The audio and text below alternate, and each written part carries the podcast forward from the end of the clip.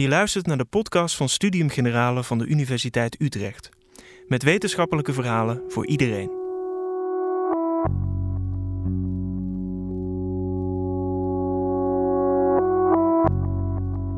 Atomen zijn de kleinste deeltjes in je lichaam. Lang voordat ze jou vormden, waren ze sterrenstof. Wat weten we over het ontstaan van deze deeltjes? En wat maakt de verzameling atomen in een menselijk lichaam anders dan die in een stoel? Natuurkundige Stefan van Doren van de Universiteit Utrecht vertelt over de unieke reis van sterrenstof naar levend wezen. Ik ben uh, Stefan van Doren en uh, ja, uh, ik kom vanavond wat vertellen over de mens en sterrenstof en wat wij te maken hebben met, met de sterren en die sterrenhemel. En ook een beetje mijn eigen kijk op de zaak. Uh, er zitten ook alweer tal van uh, experts in de zaal, dus uh, ik zou ook een beetje met knikkende knieën hier te vertellen over een onderwerp waar vele aspecten aan zijn, waar vele benaderings- of invalshoeken aan zijn, maar ik ga toch een beetje mijn eigen verhaal aan geven. Nou, iedereen die hier is binnengekomen heeft hopelijk toch eerst vanavond nog eens naar boven gekeken. Het is ook een prachtige sterrenhemel, gisteren nog mooier dan vandaag denk ik. En uh, misschien als jullie straks naar buiten uh, gaan en nog eens naar boven kijken, misschien een, eh, een, woord van dank naar de sterren uitspreken. Dus dat is ook een beetje mijn verhaal vanavond, hoewel ik het wat breder ga proberen neer te zetten. Ik wil beginnen met een quote. Hij is in het Engels geschreven, maar ik ga er rustig doorheen lezen. En de quote gaat als volgt. Hij is geschreven door een collega in de Verenigde Staten, Lawrence Krauss, en die gaat als volgt. Every atom in your body came from a star, a star that exploded. And the atoms in your left hand probably came from a different star than your right hand. It really is the most poetic thing I know about physics. You are all stardust, we zijn allemaal sterrenstof. You couldn't be here if stars hadn't exploded, because the elements, carbon, nitrogen, oxygen, iron, all the things that matter for evolution were not created at the beginning. They were actually created in the nuclear furnaces of the stars. So forget Jesus, Crow says. The stars died so that you could be here today. De ene zijn dood is de andere zijn brood. Wij hebben ons leven te danken aan sterren die aan het sterven zijn. Dat is de boodschap hier. Dat verhaal wil ik een beetje uitleggen hoe dat precies uh, in zijn werk is gegaan. Maar ook, en daarom in de subtitel, wij zijn meer dan sterrenstof, is dat niet het, uh, het enige van het verhaal. Uh, mensen bestaan uit sterrenstof, maar stoelen en tafels bestaan natuurlijk ook deels uit dat sterrenstof. Dus daar wil ik ook een beetje over hebben. Maar laat me wat, ja, beginnen met een bredere kijk. Wat is de mens? De mens ontleed dat is natuurlijk een grote vraag waar ook veel boeken over geschreven zijn. Hier heb ik er een aantal van het internet geplukt. En uh, natuurlijk moeilijk om daar iets nieuws over te vertellen. Al die invalshoeken hebben een eigen uh, kijk, een eigen uitleg over de mens, de biologische kant, de religieuze kant, spirituele kant. Uh, en ik kies vandaag voor een ja, natuurkundige kant. En ehm, ook zijn er filosofische aspecten aan. Wat, wat, wat is dat dan, het mens zijn? En uh, ik ben zeker geen uh, expert in al die gebieden, maar ik wil ze even laten voorbijkomen, gewoon ook om de sfeer te zetten en dan uh, in te duiken in, ja, in de natuurkundige aspecten daarvan. Als we even terug naar het verleden gaan, mensen denken natuurlijk al duizenden jaren na over wat is de mens, wie is de mens, waarom is de mens, waar komt de mens vandaan en ook waar, waar, gaat, waar gaan we naartoe. En uh, ja, sinds, sinds het begin van, de begin van de beschaving dachten de oude Grieken al na over ja, wat maakt een mens bijzonder, wat, wat is de mens eigenlijk? En ja, we zagen de dieren en de mensen liepen daartussen. En ja, de eerste idee daarover was, was dat wij een soort speciaal dier zijn, maar een dier dat kon denken. Eh, een dier dat een brein heeft en kon denken. Uh, maar al gauw uh, ja, kwamen er toch wat uh, filosofen ook verder, natuurfilosofen, die dachten van ja, dat kan niet helemaal waar zijn, want dieren kunnen natuurlijk ook denken, ze reageren op externe prikkels, ze maken beslissingen, dus er moet wel iets van denken ingaan. Maar ja, iets wat uh, meer gesofisticeerde manier van hierover praten is dat wat mens van dier onderscheidt, is dat mensen moreel kunnen handelen. en er werd toen gedacht dat dieren dat niet konden. En nou, daar kunnen we allerlei natuurlijk uh, debatten over voeren, of dieren nu wel of niet moreel kunnen handelen. Waarschijnlijk wel, maar de vraag is in welke mate dat ze dat kunnen en hoe vergelijkt dat met de mens. Misschien, de meesten hebben wel hier van, van jullie gehoord over Plato's uh, beeld over de mens. Hè. De mens is eigenlijk een, heeft een lichaam en een geest. En dat lichaam dat is al de materie waarin we gebouwd zijn. Maar dan is er die bezieling, de ziel, de geest die dat lichaam aanstuurt. Die geest wordt gedreven door allerlei abstracte ideeënwerelden, het dualisme van Plato. En dat uh, vertaalt zich ergens uh, binnen in je, lijf, in je, in je lijf. Uh, en ehm, daarop kan je handelen en, en dingen uitvoeren die we, die we kunnen waarnemen. Dat is natuurlijk is er veel meer te vertellen over Plato's ideeënleer en het dualisme. Maar dat even in kort om dat even aan te stippen. Er is natuurlijk ook een religieuze uh, kijk op wat is de mens. De mens is een schepping van God. Hier zien we een bekend schilderij van Michelangelo. Dus het scheppingsverhaal. links zien we Adam en rechts is een, een afbeelding van God. En God probeert met zijn wijsvinger Adam leven in te blazen. En dat is het ontstaan van de mens. En um, het mensbeeld in die religie is ook dat God ons nog steeds misschien aanstuurt en nog steeds uh, ja, de mens mede definieert in zijn handelen, doen en denken en moreel gedrag. Dus dat is ook een uh, aspect die, die eigenlijk bepalend is in ons denken over wat is het mens zijn, het scheppingsverhaal. Natuurlijk is het, het scheppingsverhaal, wat ik straks ga vertellen, een, wat ander scheppingsverhaal dan uh, je terugvindt in de, in de Bijbel natuurlijk. Een meer modern perspectief uh, gaan we toch meer die uh, wetenschap gebruiken, de biologen, misschien ook de, de, de informatica. En um, ja, misschien terug, of in vergelijking met Plato, hebben we, ehm, hebben onze ziel, wordt tegenwoordig misschien gedacht, dat zijn je hersenen.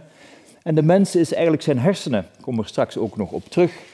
Uh, en die hersenen, dat is uh, um, je besturingsorgaan. En je lichaam is gewoon uh, alles wat de hersenen je willen doen uitvoeren. En dus alles wordt aangestuurd vanuit je hersenen. En dat is wat de mens definieert. Dat zijn je hersenen en alles wat er in die hersenen gebeurt. Is een andere kijk op. Die hersenen zijn natuurlijk ontzettend ingewikkeld en begrijpen we nog steeds belangen niet alles van. Er gebeuren allerlei biofysische, biochemische processen um, neurale netwerken die dat, die dat lichaam zeg maar, aandrijven. Ik kan er ook op een andere manier naar kijken en dat is uh, door te stellen dat die hersenen of de mens eigenlijk een soort grote computer is. iets dat je misschien ook zou kunnen programmeren, net zoals een robot ik weet niet of sommigen van jullie de film Ex Machina gezien hebben, waarbij de kijker ook behoorlijk wat in verwarring wordt gebracht over wat is het verschil nu aan de buitenkant tussen een robot die je heel slim kan uh, programmeren, die heel veel machine learning en artificiële intelligentie heeft aangeleerd, en uh, een echte mens. Kan je aan de buitenkant nog het verschil uh, zien? En ja, de informatica en de artificiële intelligentie wordt zo gesofisticeerd dat je al uh, zo'n robot heel veel dingen kan laten doen die mensen ook kunnen. En uh, ja, het is zo'n interessante gedachte om na te denken van, ja, kan je een mens eigenlijk maken door uh, een grote computer te programmeren en die te laten leren, net zoals mensen kunnen leren, kan je ook computers laten leren. Ehm, en het is een interessante gedachte hoe ver die parallel gaat tussen mens en computer. Dus dat is ook een uh, interessant perspectief uh, over uh, ja, het mens zijn. en um, ik denk ook dat sommige sprekers ook meer hebben gesproken over het biologische aspect, over bewustzijn. En daar kom ik later ook nog even, even op terug. Nou, um, iets wat ik ook nog wilde zeggen is van ja, we kunnen een mens definiëren aan de hand van zijn hersenen of een computer. Maar ik vond deze eigenlijk ook wel uh, uh, interessant om even voorbij te laten komen. Uh, dus het, filosofische aspect van het mens zijn.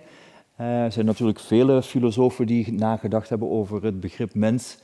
En ehm, ja, wanneer we zeggen mens is een, ja, een hersenen en een lichaam, of een, of een lichaam en een, en een ziel, dat onderscheidt ons niet van elkaar. We hebben dat allemaal misschien aanwezig, maar dat onderscheidt uh, de ene persoon niet van de andere. En wat is dat dan wat ons van elkaar onderscheidt? Nou, Sartre zei eigenlijk uh, in een heel simpel zinnetje samengevat: de mens is de som van zijn daden. Je bent gewoon de handelingen, je doet van alles en dat definieert de mens. En naarmate de tijd verandert, doe je andere dingen, maak je andere beslissingen en uiteindelijk definieert, definieer je zelf wie je bent. De mens is alleen datgene wat hij van zichzelf maakt. Interessante gedachte ook. Uh, hoe kan je in één, simpeltje, in één simpel zinnetje eigenlijk een mens definiëren als de som van zijn daden? Ik heb helemaal geen nood om te begrijpen wat er zich in jouw hersenen afspeelt. Ik observeer een persoon, ik zie die persoon van alles doen en dat definieert je. Dat definieert de mens. Dat is wat Sartre zei. Ik vind het best briljant. En nog steeds actueel. Goed, um, ja, wat is de mens? Is ook een beetje de vraag, waar komt die mens vandaan? Uh, de meesten hier onder ons, uh, vrijwel iedereen, uh, heeft wel ooit de evolutietheorie zien vandaan komen. We zijn ontstaan door de evolutie uit, uit een aap. en over miljoenen jaren heen, even kijken of de pointer het ook doet. Ehm, ik denk het niet, maar geeft niet. rechterplaatje zie je over 2 miljoen jaar hoe het geslacht mens zeg maar, ontstaan is en geëvolueerd is. Dus er is ook niet één mens. Ja? Het, mens het mens zijn verandert ook nog steeds. Evolutie is nog steeds gaande. En um, ja, wij zijn van Homo ergaster, de verschillende Homo erectus, Homo sapiens. En de ene is al wat meer sapiens dan de andere misschien. Dus die evolutie is ook een belangrijk aspect van ja, wie zijn wij, wat maakt ons tot mens en wat, wat, onderscheidt ons van de dieren. Nou, we zijn eruit voortgekomen, uit die aap. En je kan nog verder teruggaan, dit komt misschien niet zo heel goed op de projectie, over uh, van ja, wat is die de tree of life, zeg maar, is ook een beetje de oorsprong van de mens, is ook een beetje de oorsprong van het leven. Hè. Uiteindelijk komen wij van apen, maar apen komen weer uit uh, eerdere primaten en amfibieën. En uiteindelijk, als je de Tree of Life, de boom van het leven, terugvult, kom je naar kleine micro-organismen die zeg maar de basis uh, hebben van leven, eencellige. En dat leven zit in die, in die cel. Daar komen we later ook nog een beetje op terug. Um, ja, wie is de mens? Wat is de mens? De mens ontleed is uh, uh, ook erg toepassend voor in deze zaal hier, de anatomiezaal, de snij, de snijzaal. Dus we gaan de mens opensnijden Ehm, eh, maar met, uh, met, een heel, met heel dunne plakjes, zeg maar. En we gaan kijken waaruit bestaat die mens eigenlijk. En een natuurkundige is natuurlijk ook geïnteresseerd in de moleculen en de weefsels en de cellen. Maar diep daaronder zit er nog een laag van atomen. Dus wij bestaan uit allerlei elementen. Hè, die elementen staan in percentages hier uitgedrukt. En uh, voor een groot deel uit zuurstof, oxygen 65%, carbon, koolstof, waterstof, hydrogen 10%. Als je dat optelt, kom je al aan de 90% of voorbij de 90%. En dan hebben we nog andere elementen, nitrogen, calcium en zo verder, natrium. En die bouwstenen, die atomen, die vormen eigenlijk de basis voor dat leven. Met deze bouwsteentjes, zelfs de eerste vier, kom je al een heel eind uh, zuurstof, stikstof, carbon, hydrogen. Daar kan je moleculen van maken, um, aminozuren, polymeren. En dat zijn de bouwstenen zeg maar, van ons DNA. En DNA is misschien wel iets wat de mens of het leven, alleszins, zo uh, voor een stuk definiëren, heeft de meeste informatie. En je ziet inderdaad dat die elementen hier, um, waterstof, stikstof, zuurstof, koolstof, eigenlijk de basiselementen zijn um, um, van dat leven en dus ook van onze mens. En ja, dat rijst de vraag van, ja, zijn wij dan een verzameling van, uh, van atoompjes? Ja, dat, dat zijn we eigenlijk wel. Uh, wij zijn een verzameling van, van atoompjes en voor het, uh, voor het grootste deel, zeg maar, kom je met vier van die, van die elementen kom je toe. En die elementen die hier staan, die zijn onderdeel van een groter plaatje. En iedereen heeft op school natuurlijk wel geleerd over de tabel van Mendeleev. En, en, dit is hem nog eens. Hebben we misschien allemaal uit ons hoofd moeten leren. Vreselijk. Ik toch alleszins uh, in het middelbaar onderwijs. En ehm, ja, je ziet dat die elementen, zoals waterstof, uh, zien we linksboven. Uh, dan zien we koolstof, uh, stikstof, ehm, zuurstof, zien we een beetje op de tweede rij. En dat zijn allemaal redelijk lichte elementen. Alle elementen die er verder staan zijn zwaarder. En ehm, die vinden we in, bijna niet in ons, in ons menselijk lichaam. Dus met, met de vier elementen, waterstof, koolstof, stikstof en zuurstof, zeg maar, komen we een heel eind in de bouw van het menselijk lichaam. En dus de vraag is, ja, wat kan je dan met al die anderen doen? Nou, daar maken we natuurlijk materialen van, uh, komen allemaal in min of meerdere mate voor uh, in, de, in de aarde. En, uh, maar dan is de vraag van, ja, die mens die is dan opgebouwd uit deze bouwsteentjes. En die bouwsteentjes bestaan uit die atomen. En dan is de vraag van, ja, waar komen die atomen dan precies vandaan? Uh, ja, die komen natuurlijk van op aarde vandaan. En, en, en ja, nu en dan slaat er wel eens iets in op aarde, een meteoor of zo, en die brengt wat vreemde elementen mee. Uh, uh, of er zijn ook wel eens wat broksteentjes van de maan op aarde beland. En um, um, ja, de vraag is, wat, wat is dan het ontstaan? Waar, waar komen al die elementen vandaan?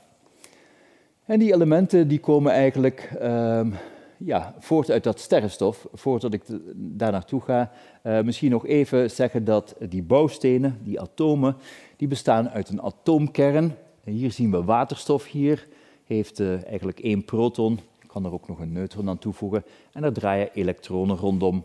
Uh, dat zijn geladen deeltjes, die ook verantwoordelijk zijn voor elektrische stroom.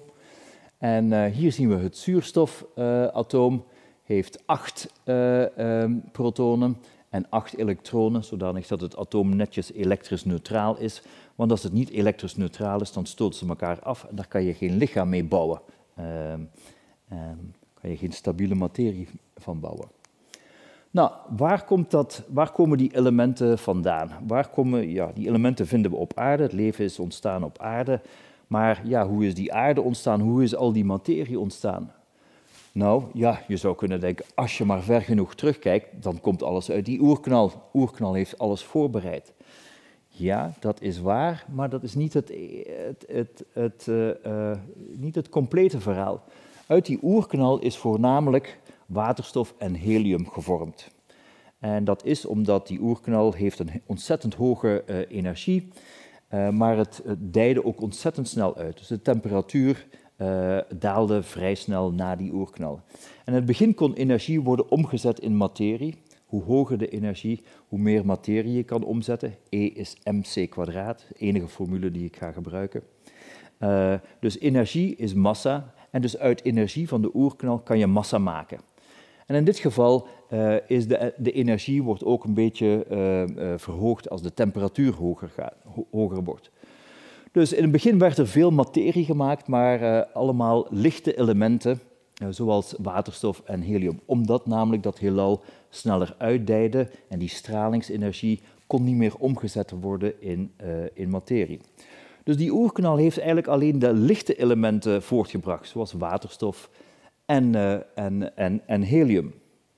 En dus ja, met waterstof en helium, daar kunnen we, daar kunnen we, geen, uh, kunnen we geen leven van maken. We hebben de zwaardere elementen nodig. Maar waar komen die zwaardere elementen vandaan? Ja, die komen uit, uit de sterren. En die sterren die zijn pas veel later ontstaan in de evolutie van het heelal. Uh, ons eigen, onze zon bijvoorbeeld is om en nabij 5 miljard jaar oud. Uh, de oerknal is 13,8 miljard jaar geleden. De zon is in dat perspectief eigenlijk uh, redelijk, uh, redelijk jong. De zon was niet een van de eerste sterren, maar een paar miljard jaar of een paar honderdduizend jaar zijn wellicht de eerste soort van nevels ontstaan. Sterrenstof, dat gaat klonteren en uit die klonters kan je sterrenstelsels en sterren maken. Hier is een voorbeeld van sterrenstof, niet van 13 miljard jaar geleden. Dit is een foto van nu. Um, um, in ons eigen sterrenstelsel worden nog steeds sterren geboren, omdat stof nog niet altijd geklonterd is en materie heeft gevormd. En ja, wat we hier nu precies zien is een wat langer verhaal, maar het is een gasnevel, sterrenstof, lichte elementen die gaan samenklonteren en sterren vormen. En die sterrenvormingen, die zie je al een beetje, zeg maar, waar wat flitsende lichtjes uit die wolk komen. Daar zijn sterren, worden sterren geboren. Dus er worden nog steeds voortdurend sterren geboren en er gaan ook steeds voortdurend sterren uh, uh, die gaan sterven, die aan het sterven zijn. Dus ons heelal is een heel, ja, een soort van levend, uh, een heel levend heelal waar sterren geboren worden, sterren sterven en, um, mm, en bij elke ster, net zoals onze zon, kunnen er ook planeten gevormd worden en wij maken rondjes rond, rond die ster. Ons sterrenstelsel, de melkwegstelsel, het melkwegstelsel, bevat ongeveer 100 miljard uh, sterren. En dus plaats genoeg voor planeten en eventueel uh, leven, ander type leven, organismen, wie weet ooit mensen. Nou, hoe zien, wat gebeurt er eigenlijk met zo'n ster? Eens als zo'n ster gebouwd wordt door uh, dat sterrenstof dat onder het invloed van de zwaartekracht samentrekt, uh, die gaat branden. En de brandstof van een ster is kernfusie. En kernfusie, in eerste instantie bestaat zo'n uh, zo'n ster uit, uit waterstof. Waterstof en helium, het zijn de lichte elementen, want die zijn voortgebracht uit de oerknal. Dat is het enige wat er is. Het heelal bestaat alleen waterstof en helium. Daar maken we sterren van. En die sterren die trekken in elkaar onder invloed van de zwaartekracht. Je kan je inbeelden dat als zo'n ster uh, uh, uit, uh, samentrekt onder invloed van de zwaartekracht, wordt het binnenin heter, warmer. En die temperatuur, die hoge temperatuur, die wordt gebruikt om kernfusie op gang te brengen. En kernfusie, kan je ook weer een college op zich uh, over vertellen, maar kernfusie stelt ons in staat om uit lichte elementen zwaardere elementen te maken. Je voegt twee kleine deeltjes samen, twee waterstofatomen, kan je een helium van maken. Ik ga zo meteen uh, wat andere reacties geven hoe je van lichtere elementen zwaardere elementen kan maken. Dus die ster die, uh, dat is een, die geeft productie van, of kernfusie. Je maakt van lichte deeltjes zwaardere deeltjes en telkens komt er ook wat energie vrij. Die energie is het zonlicht dat we krijgen. Is een product van de kernfusie. Ook daar hebben we ons leven te danken aan de, aan de kernfusie. Kernfusie moeten we onderscheiden van kernsplijting. Kernsplijting is wat we ook proberen uh, te doen om, uh, als energiebron hier op aarde. Maar dat is aan de andere kant van het spectrum. Kernenergie, kernsplijting, starten we met heel zware elementen, die splijten we, komt er ook energie vrij. Hier is het andersom. Hier starten we van lichte elementen en door kernfusie krijgen we energie. Dat proberen we, wat er in het binnenste van de zon gebeurt, proberen we ook zeg maar, in, ja, in een laboratorium na te doen. Maar de condities, de temperaturen die daar aanwezig zijn en de grote dichtheid, is heel moeilijk om dat na te bootsen. Dus um, ja, sterren hebben zo hun eigen, ja, hun eigen dynamiek. Dus er ontstaan um, zwaardere elementen door kernfusie. En hier staan, ja, dat is het meest technische wat ik uh, uh, wil, wil, vertellen. Hier staan voorbeelden van kernfusies, hoe je van lichtere elementen zwaardere elementen kan maken. Bijvoorbeeld, je kan een koolstofelement samen met een heliumelement doen fuseren en je krijgt zuurstof. Twee koolstofatomen geven magnesium, magnesium met nog weer helium geeft silicium, silicium met helium geeft sulfiet en zo verder en zo voort. Calcium wordt gemaakt en zo verder. Uiteindelijk kan je kernfusies doorzetten tot en met ijzer. En ijzer in de tabel van Mendeleev, die zien we ongeveer ja, op nummer 26. Uh, je kan kernfusies op gang brengen tot ongeveer atoomnummer 26. Dat zijn de zwaarste elementen die we stabiel kunnen reproduceren. We kunnen nog allerlei andere uh, elementen reproduceren door uh, kernfusie, maar die vallen weer snel terug uit elkaar. dus vandaar dat we wat sterren kunnen doen, is die kunnen deze elementen um, maken. Waterstof, helium, koolstof, um, zuurstof, silicium, ijzer, stikstof.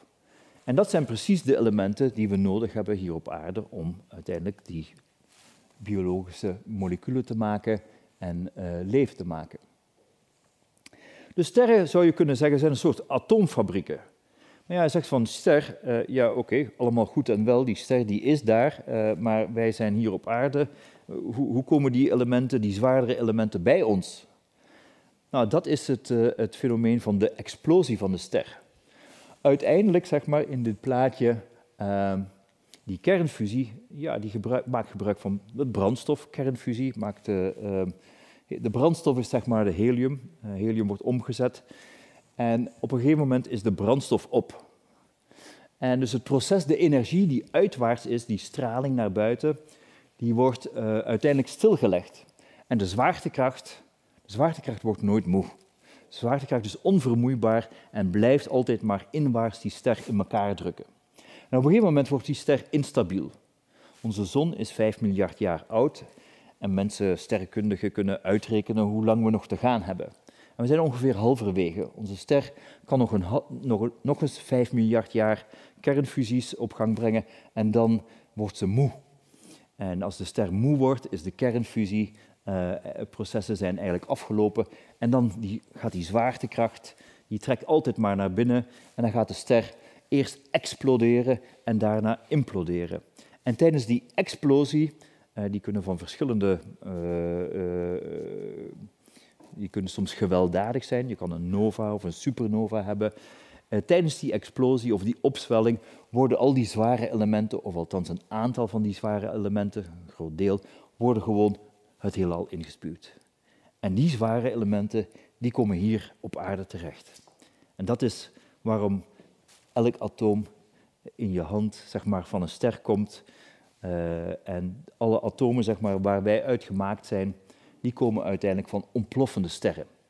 En die ontploffende sterren, omdat er zoveel sterren zijn in het heelal, um, ja, uh, ze staan wel ver af, maar dat sterrenstof, dat, uh, of die ontploffende sterren, die produceren best wel veel van dit soort atomen. Die gaan het heelal in, die komen uiteindelijk, worden die verspreid. En om de, als je dat maar lang genoeg laat doorgaan, dat proces, dan uh, kan je best veel materiaal verzamelen. Zo is natuurlijk onze planeet Aarde ontstaan uit, uit al die elementen. Dus wij hebben, onze, hebben eigenlijk onze, onze materie, al onze atomen waaruit we gemaakt zijn, hebben te danken aan de kernprocessen um, um, die zich afspelen in het binnenste van, het, uh, van, een, van een ster. Vandaar de quote van, van Lawrence Krauss: We hebben eigenlijk ons leven te danken aan de dood van sterren. Sterren gaan dood omdat hun brandstof opgeraakt, ze imploderen uh, onder invloed van de zwaartekracht. En voordat ze dat doen, zwellen ze nog eens op, een soort van laatste uitspatting, waarbij heel veel van dat soort materie, met die zwaardere elementen, zeg maar, het heelal ingespuwd worden. Dat is het verhaal eigenlijk. En dus in die zin geeft het toch een nieuwe kijk op wie wij zijn en waar we vandaan komen. Maar vooral ook dat wij, ja, toch mens en aarde onlosmakelijk verbonden zijn met die sterren en met het heelal. We zijn echt een onderdeel van dat evolutieproces in dat heelal. Die sterren die geboren worden, die opbranden, imploderen, materie uitsturen. En dat komt allemaal onze kant op. We krijgen planeetvormingen. Uit dat planeet komen al die elementen. En daar, uiteindelijk komt daar ons leven van. Daar is het allemaal mee begonnen.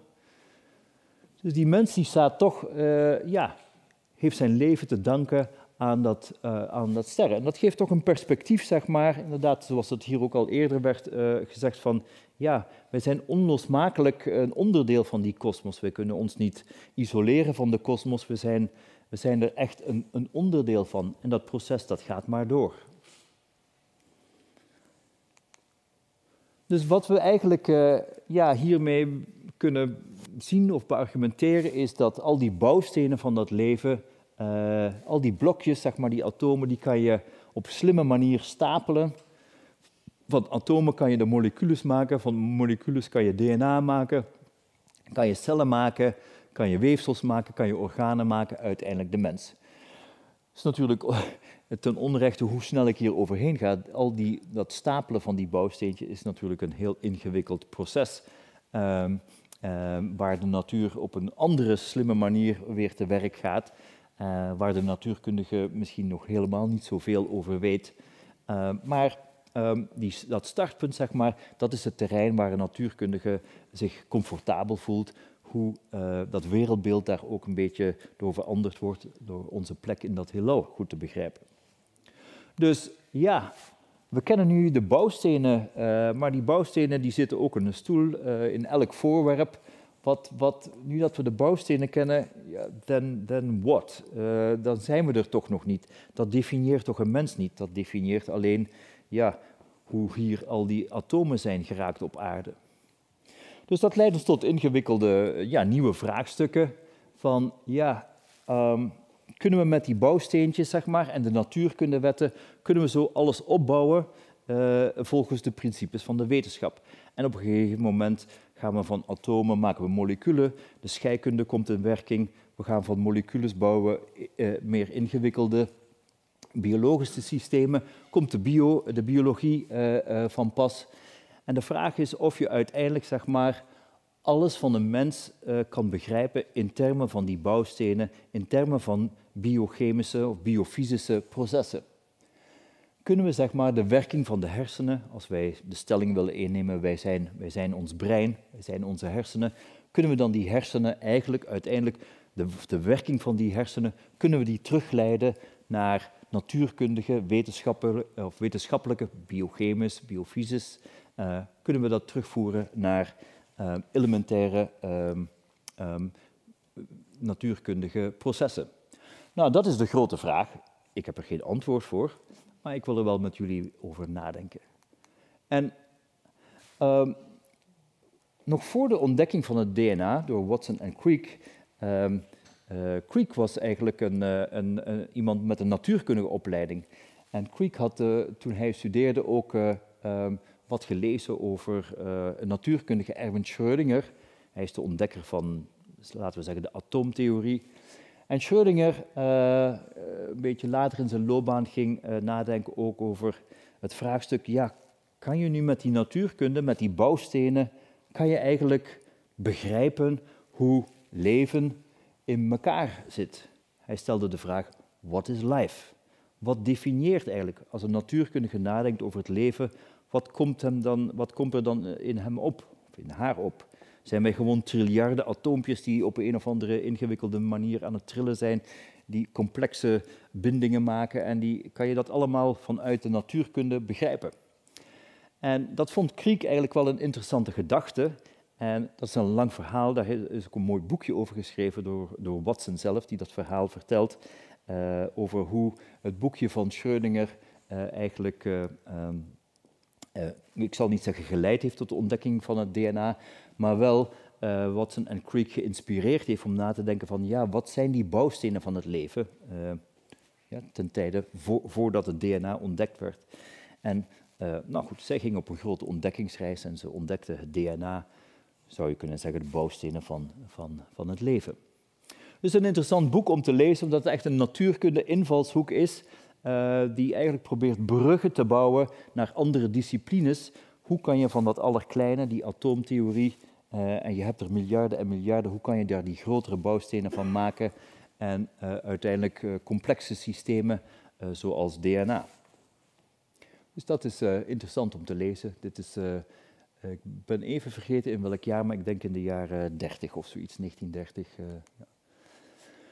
Dus ja, um, nou goed, dat DNA is weer één ding en daar uh, weten mensen in het publiek hier misschien veel meer van dan ik. Uh, uh, dus de vraag van, nou ook al begrijp je dat de werking van DNA goed, waar, waar staan we dan in het begrijpen van wie wij zijn als mens? Mensen hebben ook nog ja, eigenschappen zoals bewustzijn. Ja, dat is toch iets wat, wat ja, en dat bewustzijn is dat, is dat iets wat zich afspeelt, is dat een hersenactiviteit? Kan je bewustzijn terugbrengen naar biochemische processen, allerlei neuronen die geactiveerd worden en die signaaltjes uitsturen in zo'n complex netwerk? Uh, kan, je, kan je daaruit bewustzijn afleiden? Is dat mogelijk? Kunnen we dat begrijpen met wetenschap? Kunnen we moreel gedrag, waar de oude filosofen het over hadden, kunnen we dat begrijpen in termen van natuurkunde en, en biologie en scheikunde en je mag het allemaal samen nemen? Kunnen, we dat, kunnen, we dat, kunnen, we, kunnen wij mensen ooit begrijpen wat het is uh, om te praten over gedrag, empathie, emoties, bewustzijn? Lijkt een moeilijk vraagstuk ook. Um, wat ik hiermee probeer te zeggen is dat er eigenlijk in die wetenschap twee richtingen zijn. Natuurkundigen hebben honderden jaren al lang uh, het, het, principe van reductie. Ja, we gingen, net zoals hier in de snijzaal, om dingen te begrijpen, moest je gewoon alles opknippen in kleinere stukjes en dan, dan zie je het wel. Als je weet wat erin zit, als je de onderdelen begrijpt, dan begrijp je het grotere geheel. Vandaag weten we dat dat niet zo is. Je leert een en ander door die elementaire deeltjes, die bouwsteentjes te begrijpen. Maar je moet ook de weg terug. Eens als je de bouwsteentjes hebt, hoe kan je zeg maar um, die collectieve fenomenen van triljarden en triljarden deeltjes, hoe kan je die dingen laten doen die je eigenlijk niet kan uh, begrijpen aan de hand van, van enkele uh, onderdelen. En dat heet emergentie. Hoe kan je iets laten emergeren uh, door naar de bouwsteentjes te kijken? Hier is een simpel voorbeeld. Dat voorbeeld stel, stelt ons niet in staat om te begrijpen wat, wat bewustzijn is, maar het is een voorbeeld van emergentie. Hier zien we de zee en we zien golven. En die zee, zijn onderdelen zijn allemaal watermoleculen. En die watermoleculen die doen wat, die zitten een beetje te bewegen. En, en de ene weet niet van de andere, want ja, je zit in het water en de watermoleculen, dat doet maar wat. En um, natuurlijk is er een externe invloed. Uh, er zijn de getijden, er is wind en we krijgen het fenomeen van golven.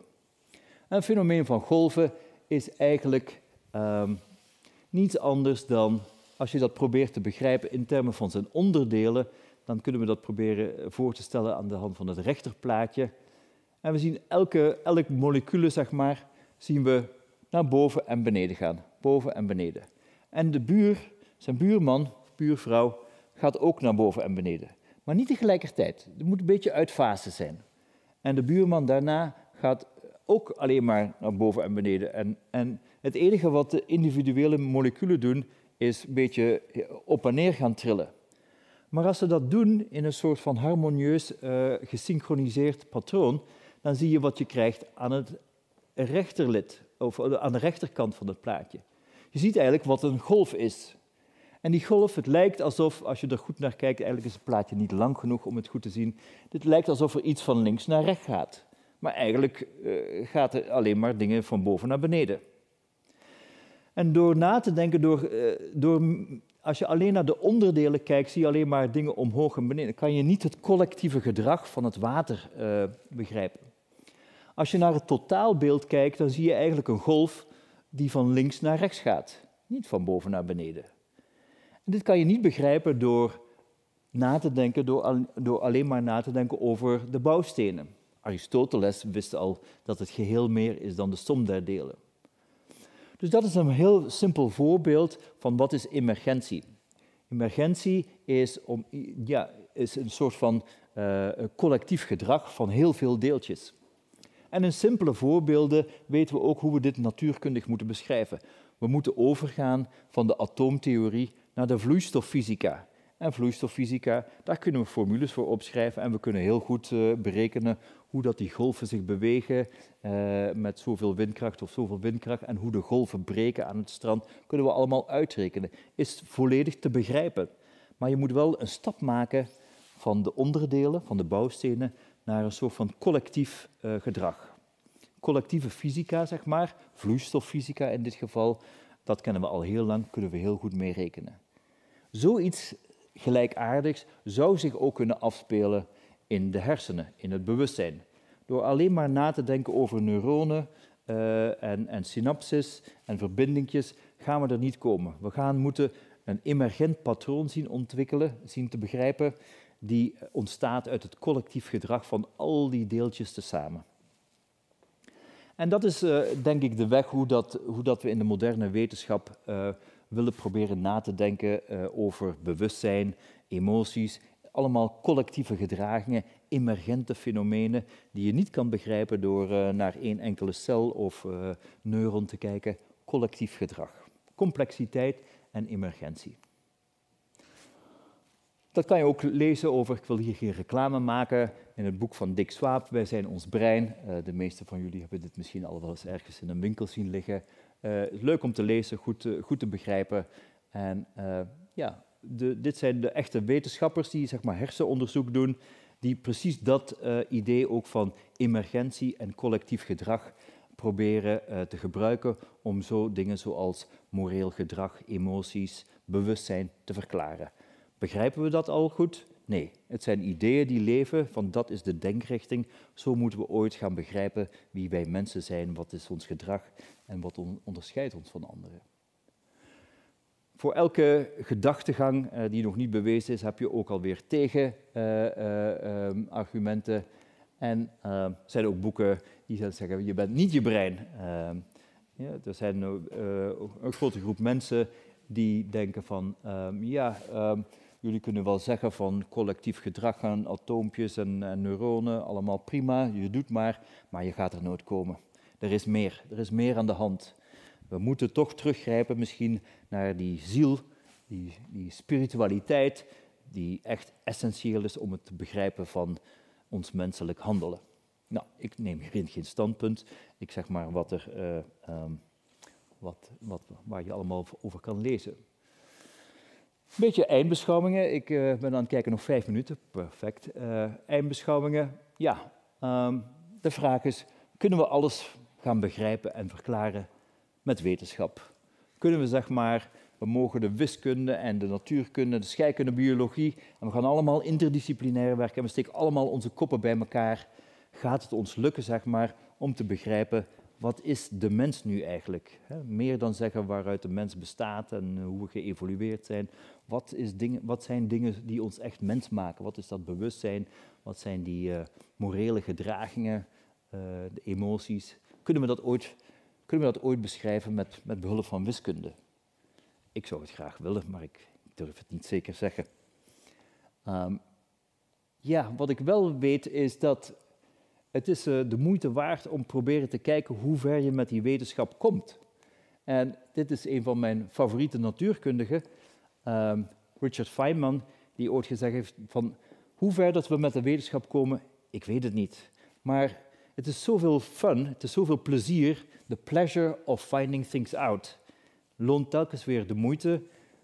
Pleasure of finding things out. Je maakt ontdekkingen, je hebt weer een stapje begrepen, een schakel in een waarschijnlijk een lang verhaal. Dat geeft enorm veel vreugde en plezier. Dat is waarom uh, we onderzoek doen, waarom ik ook elke dag aan mijn kantoor zit te bereken, berekeningen maken, om proberen iets te begrijpen van dat mysterieus universum. Ja, mijn eigen kijk op, uh, op en leven is misschien niet heel origineel. Ik heb geen nieuwe wijsheid. Maar gewoon samenvattend, aarde en mens zijn toch een prachtige schepping van, van het heelal.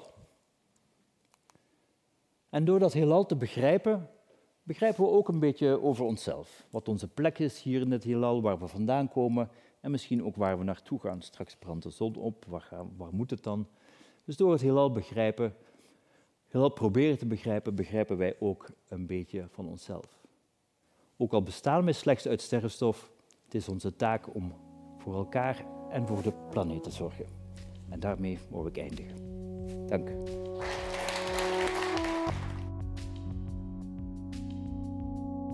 Je hoorde een aflevering van de podcast van Studium Generale. Benieuwd naar meer afleveringen? Ga naar sg.uu.nl/podcast of abonneer je op je favoriete platform.